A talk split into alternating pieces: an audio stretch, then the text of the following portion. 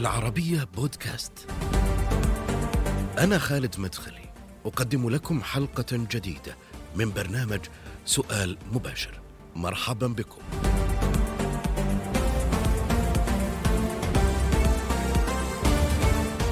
اشتهر ضيفي بمواقفه الرافضة لتيار الصحوة في أوج قوتها في السعودية ودعا في كتاباته إلى عدم اتباع الموروثات الدينية والفكرية دون تفكير لكنه شجع على اتباع كل ما يندرج تحت الإبداع وضرورة إحداث التغيير في المجتمع.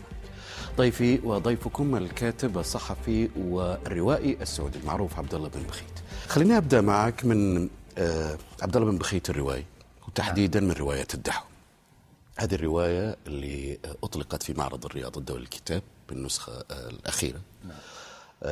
بمئة نسخة تقريبا. تقريباً. اختفت في اليوم الأول أو الثاني مع أنه الناس كان في إقبال كبير على شرائها أول شيء خليني أسألك عن الرواية هذه. وش قصتها؟ لأنه في ناس تسأل أنه عبد الله يعود إلى نفس المنطقة الرواية. نفس المكان نفس الذكريات نفس الشخصيات والأبطال. ناصر ونور في شارع العطايف. نعم آه، حقيقة الأمر هذا ليس عيب. هو بعض الناس كل واحد له مجال يتحرك فيه. يعني كل روائي مثلا تلقى مثلا ماركيز يتحرك في آه، الكاريبي وقرى الكاريبي ومدن الكاريبي والثورات وغير ذلك. يعني ألم البلاد آه، بلاده والبلاد المجاورة. مستمر في هذاك. ونجيب محفوظ لو رحت إليه. ستجد القاهرة دائما. آه، القاهرة السكاكيني خان الخليلي. آه، أسماء كثيرة ما تحضرني. بس كل أعمال نجيب محفوظ أو معظمها تدور في أحياء القاهرة. فما أعتقد أنه عودتي إلى السبعينات في الرياض أنه يعني آه، فيها إشكالية. بل بالعكس يعني هذيك الفترة لم تثرى ولم آه، آه، تقدم في روايات لأنه في الفترة اللي بدأ ال- الرواية تزحف على المملكة وتتطور حصل آه، ضرب في كل مجالات الأدب والفنون وإلى آخره. فالعودة عودة طبيعية. وأيضا بنفس الوقت أنا ما عندي مو فقط أنا أدور في ذيك المنطقة أنا عندي رواية أخرى ما لها علاقة حتى بالمملكة اللي هي التابوت النبيل. إيه. هذا بن- بنسولف فيها عارف بس اللي أقصد أنه يعني إني ماني أدور في ذيك المنطقة. يعني أنا عندي كتابين قصص قصيرة فعلا تدور في ذاك وعندي الآن كتاب روايتين تدور في آه، العصر هذاك وفي نفس الوقت عندي رواية التابوت النبيل اللي هي في على مستوى العالم العربي. وليش الإصرار على ناصر ونور نفس الأشخاص يعني. ما هي بنفس الأشخاص هم بس أنا محتفظ بالأسماء يعني آه، يعجبني اسم ناصر اسم آه، شعبي شائع في آه، ذلك الزمن. واسم نوف أيضا كامرأة أيضا شائع في ذاك الزمن. فأنا أحب أنقله معي لأنه فعلا يعبر عن الفترة ذي من ناحية شيوع الأسماء. كأنك مركز على قصة الظلم اللي اللي اللي, اللي على المرأة وعلى الرجل يعني في تلك الفترة من خلال استحضار السجن. أه، القصاص في في تهم أه، يعني هو بريء منها. في في الروايتين في شارع العطايف وكذلك في الدحو لا أنا ما أتعامل مع الرواية في بنظرة إيديولوجية أو نظرة آه، يعني دينية أو فقهية أو ايا كانت. أنا أتعامل مع الرواية أنها زي القطعة الموسيقية. يعني أحيانا في شخصيات تمنحك الغوص فيها يعني لما تقول لما يكون هذا الرجل سجين وأمضى فترة طويلة جدا في السجن بجريمة لم يرتكبها. أنت الآن ما تحاكم المجتمع ولا تحاكم القانون ولا تحاكم النظام أنت تحاكم وجود هذا الإنسان يعني.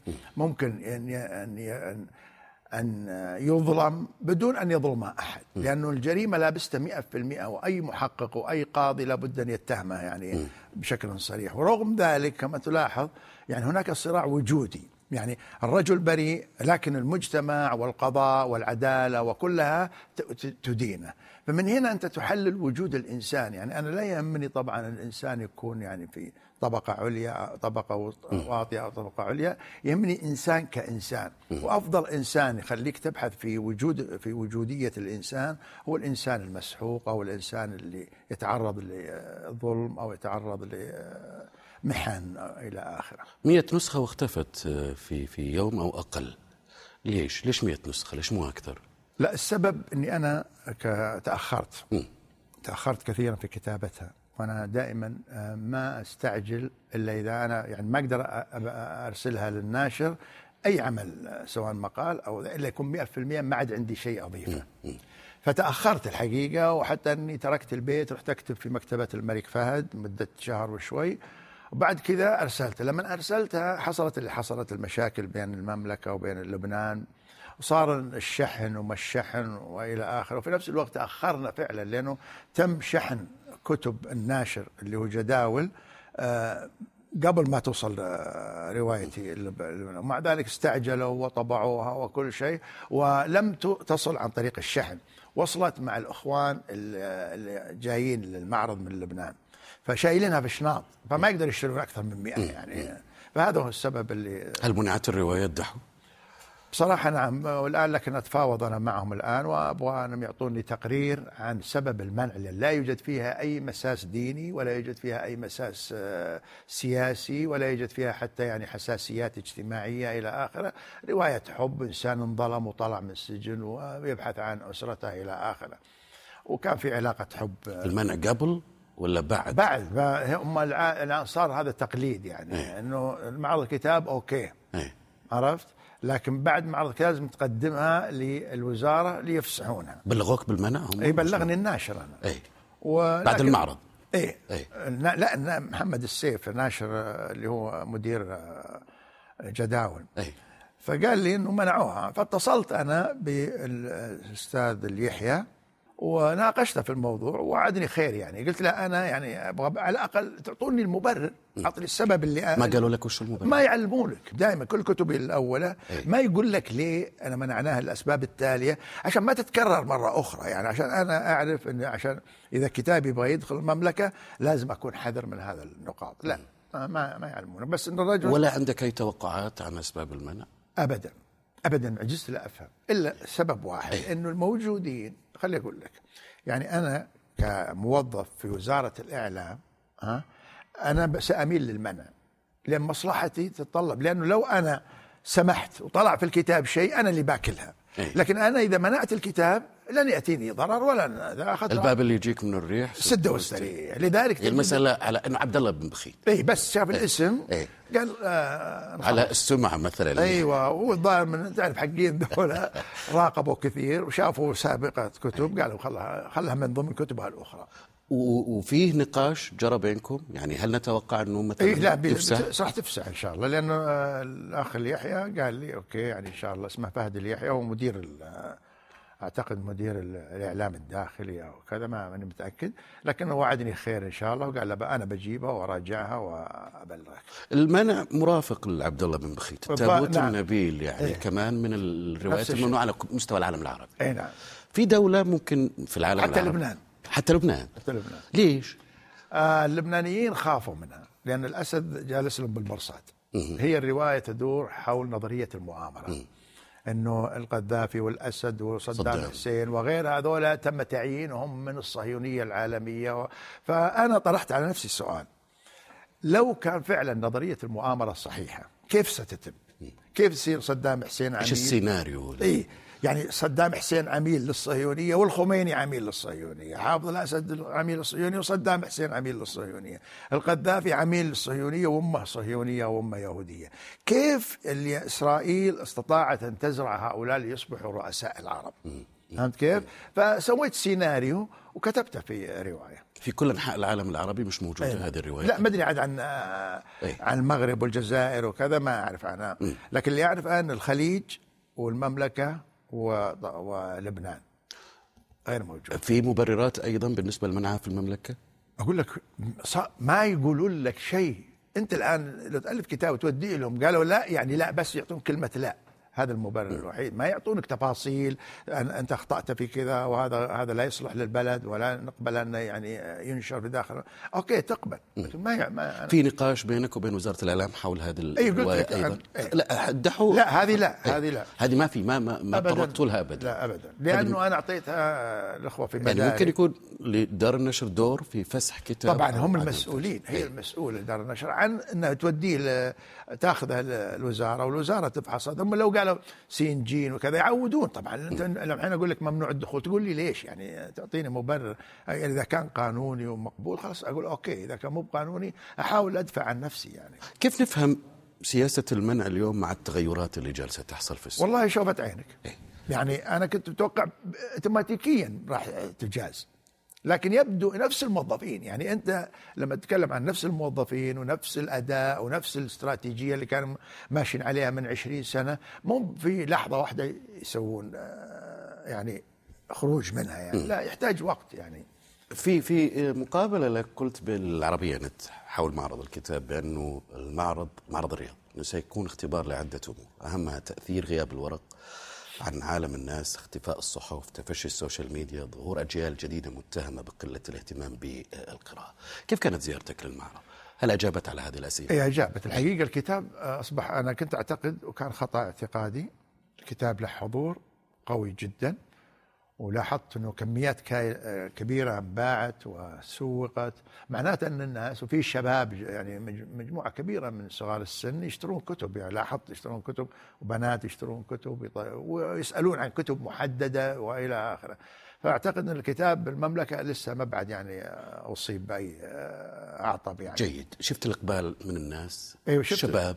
شفتها إيه. يعني هل في هل تشوف إنه في إقبال على القراءة من الشباب ع- بعكس النظرة أه، ما هذا اللي قلت لك عليه إنه إنه أنا لما رحت جولت مرتين رحت يومين متتاليين شفت آه إنه فعلا مليان المعرض مليان مليان بكل المقاييس وناس بعدين في ناس يقولوا لا هذول يجون يتمشوا إيه لا أو يجون من الأسواق اللي هنا يقول إيش عندي ذولا؟ بنروح إيه. نشوف. لا أنا لاحظت انه يوقفون أمام الشاشة اللي فيها أسماء ال- الناشرين ويبحثون ويصورون ويروحون يعني والسنوات أمام الشاشات هذه.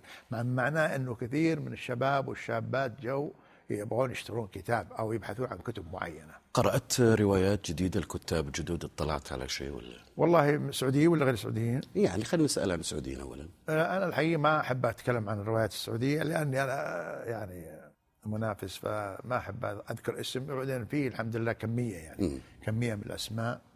يعني أنا فخور فيها. بس, بس قرأت يعني. في في قرأت. في إيه، بس- نماذج جيدة من الادباء آه السعوديين في الجدد في- كتابات في- جيدة في روايات. كتابات للشباب. بس أنا ما لا ما أحب أذكر اسم ولا أعمل روائي. أساس إني أنا جزء من الصنعة. فلو اميل هذا ضد هذا وكذا قد يت- تفسر تفسير.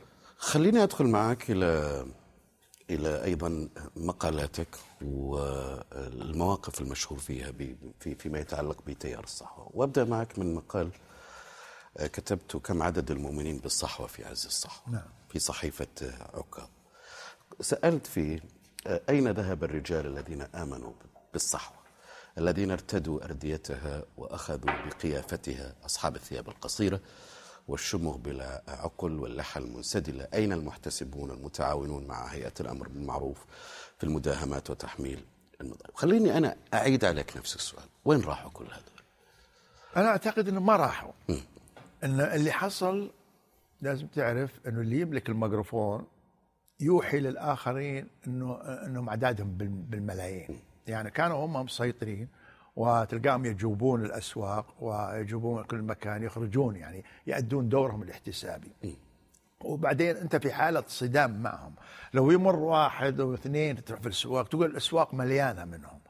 فهمت كيف؟ يعني لأنك أنت في حالة يجعلونك متوتر. إذا جو في بقالة أو في سوبر ماركت أو في مول أو في كذا يجعلون السوق كله متوتر. وبالتالي آه، حضورهم طاغي بسبة قوة ما يملكونه من قوة. لكن لما زالت القوة حتى الآن لو جو ما عاد تشوفهم. يعني اختفوا حقيقة. لأن عددهم محدود جدا ولكنهم يتجولون يطلبون متنكرين يعني. لا يطلبون الأجر. من أول كانوا يتجولون. لا بس هم الآن موجودين. موجودين إيه. بس ما عاد يتجولون لأن لم يعد لهم سلطة. هم أول كانوا يمارسون سلطتهم. الآن ما عاد عندهم سلطة. ال- المحلات مفتوحة لهم ولا عاد يرحب بهم ولا عاد ينظر لهم العالم نظرة خوف أو احترام. صاروا زي أي مواطن آخر. وبالتالي اختفوا من الرؤية. يعني هم موجودين ولكن الناس ما عاد في خوف أو خشية منهم؟ الآن اختفت خلاص ما عاد فيه الآن. هل تعتقد بأنه هذول الناس آه، أو غالبية المتحمسين أو المنتمين للتيار اللي بيننا الآن هم من نفعيين ولا انتهازيين كمية هائلة. شوف هو أنا ما كنت ما كنت آه، ضد المحتسب الصادق. أنا اللي دائما الخطر بالنسبة لي هو الانتهازي المحتسب الانتهازي اللي مثلا مريض سيكوباثي مثلا مريض نفسي. أو الدعاة اللي اغتنوا اللي عندهم ملايين وعندهم قصور وأربع زوجات وهذا هو الخطر لأن هذا مو بيدافع عن دينه في الواقع يدافع عن مصالحه الشخصية فيكون شرس ويكون عدواني ويحاول أن يوقع بالآخرين لأنه يدافع عن مصالحه الشخصية وعن رفاهية بيته. لكن الناس المؤمنين الصادقين هذول قلة جدا قليلة في بين الصحويين ولكن ذولا ما يخوفون. صحيح بعضهم يكون مندفع بعضهم يكون شوية آه، يعني قاسي لكن برضه يعني أنت آه، تحترمه لأنه الصادق. هل انتهت الصحوة؟ هذا السؤال كان مثار جدل كتب فيه الكثير من الكتاب والصحفيين آه، حول هذا الموضوع. ماذا يقول عبد الله أو بماذا يجيب؟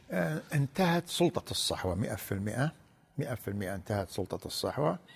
آه وانتهت الصحوة اللي على السطح كالهيئة يعني جبروت الهيئة وجبروت المحتسبين وغير ذلك وصريخ الدعاة وغير ذلك. هذا انتهى. لكن يبقى شيء أهم إيه. وهو الجذر الذي تركته الصحوة وهو الخرافة. يعني الصحوة بدل ما آه، تأتي بفكر محمد بن عبد الوهاب الذي يقاتل ضد الخرافة وضد هي الحقيقة عكس تماما وجاءت بالخرافة. يعني رسخت كلمة السحر ورسخت كلمة العين ورسخت كلمة الجن يدخلون في الإنسان ويأكلون رز ويبيعون ويشترون ويتزاوجون من البشر إلى آخره، كل هذه القيم رسختها. هذه هي بقايا الصحوة. وهذه أخطر من الصحوة نفسها لأني أنا أرى أنه دعاة الإرهاب ها في أجهزة أمنية تتصدى لهم يعني ممكن السيطرة عليهم وإيقافهم. لكن من يتصدى للرقاة الشرعيين المنتشرين الآن في هذا في مقالك كتبت حتى حطيت استفتاء على تويتر. أيوة نعم. طالب هيئة الفساد أيوة. بمواجهة مواجهة هذولا لأن هذولا يعني العادة شوف إذا وجد من يحارب شيء وجد الشيء الذي يحارب يعني اوتوماتيكيا. فهؤلاء مصلحتهم وجود الجن من مصلحتهم وجود السحر فيكرسونها. آه، وطبعا سبقهم الدعاء اللي يقول انهم ياكلوا الرز ولا ما ياكلوا الرز إلى آخره.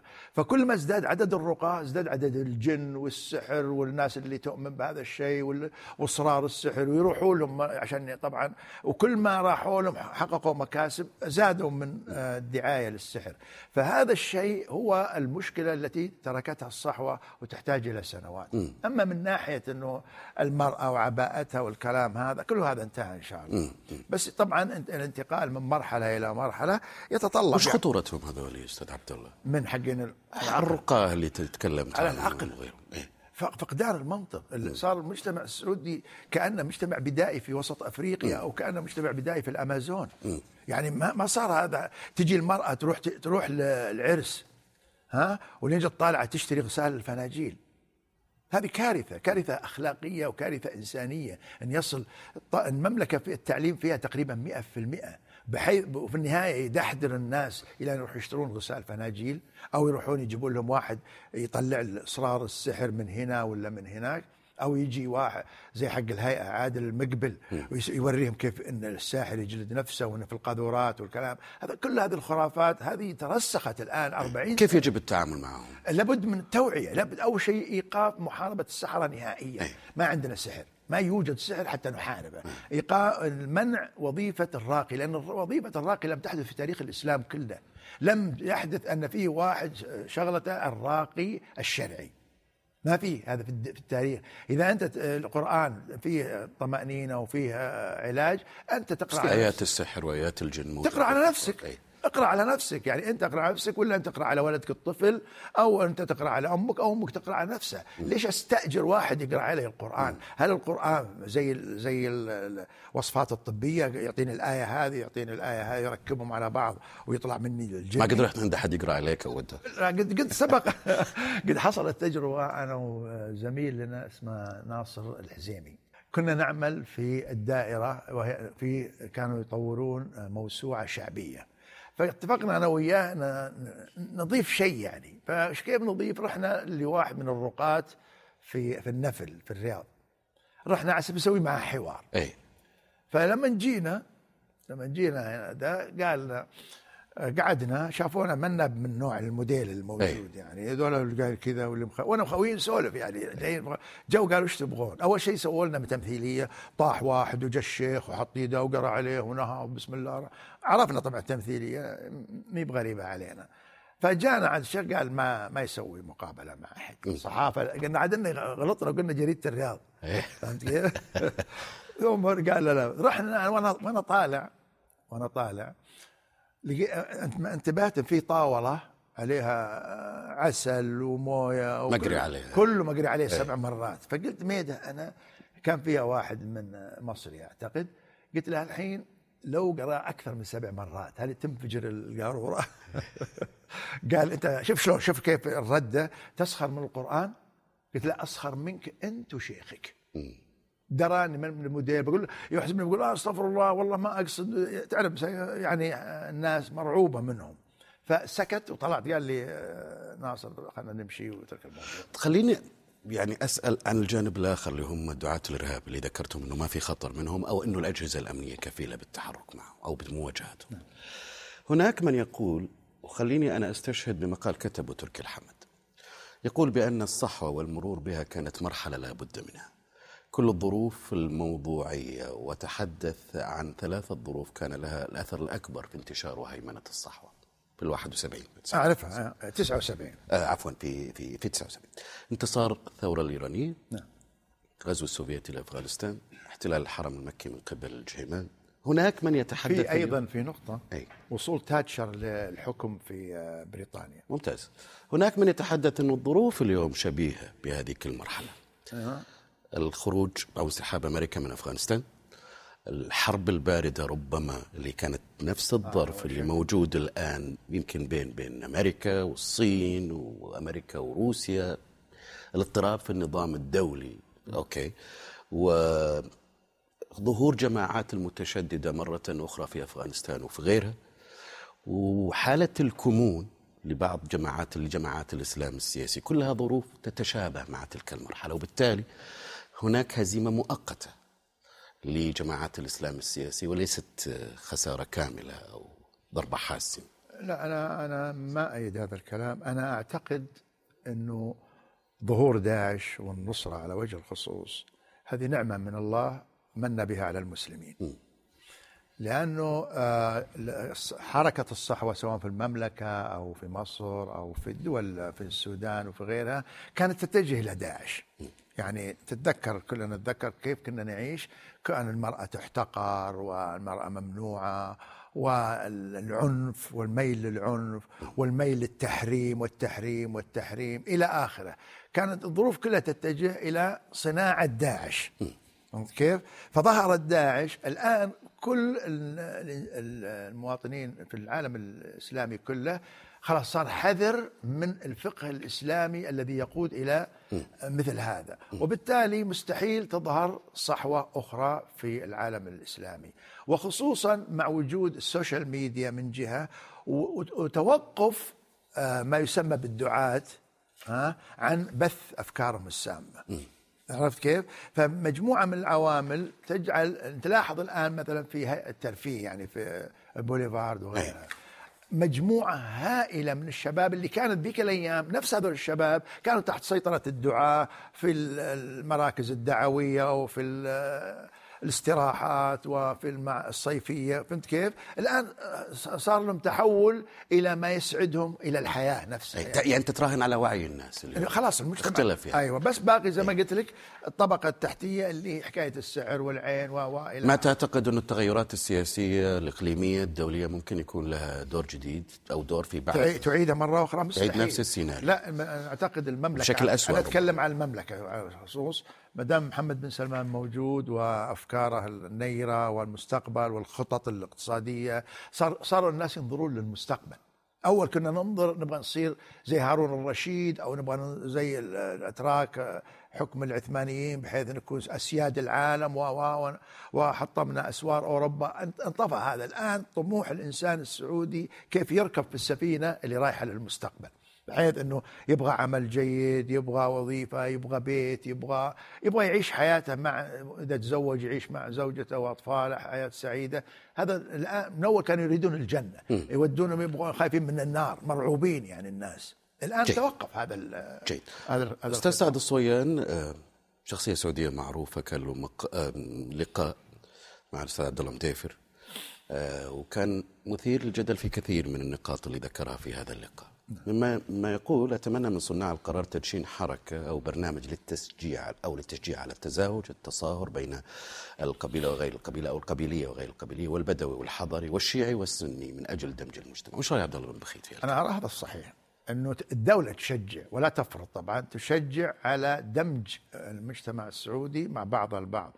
يعني الآن مثلا في انفصال شديد بين الشيعة وبين السنة. وهذا غير مقبول إذا رأيت أنه نفسهم متطابقين ما عدا يمكن 2 3% آه، اختلافات مذهبية بين السنة والشيعة والباقي طبعا تأجيج آه، دعاة بس. الدمج كان موجود والتصاهر بين البدوي والحضري كان موجود. موجود بين الآن. الشيعي أيوة الشيعة. باقي طبعا أنت ما عندك مشكلة لو تزوج باحدى بناتك مثلا اللي شيعي نعم ما عندي مشكلة. ما عندك أي مشكلة. ما عندي؟ وين المشكلة فيه؟ حسب خيارها هي يعني مو بخ... يعني يجب أن نتوقف على أنك أنا اللي أمنع ولا ذا أنا فقط مستشار إذا هي ترغب تتزوج شيء وموضوع التكافؤ المادي والنسب وغيره هذه ما عندنا أنا ما عندي مشكلة. أنا من, من الناس واقع عليهم ممتاز. سؤال أخير حول لبنان. وأنت كتبت مقال في لبنان. وش مشكلة لبنان باختصار؟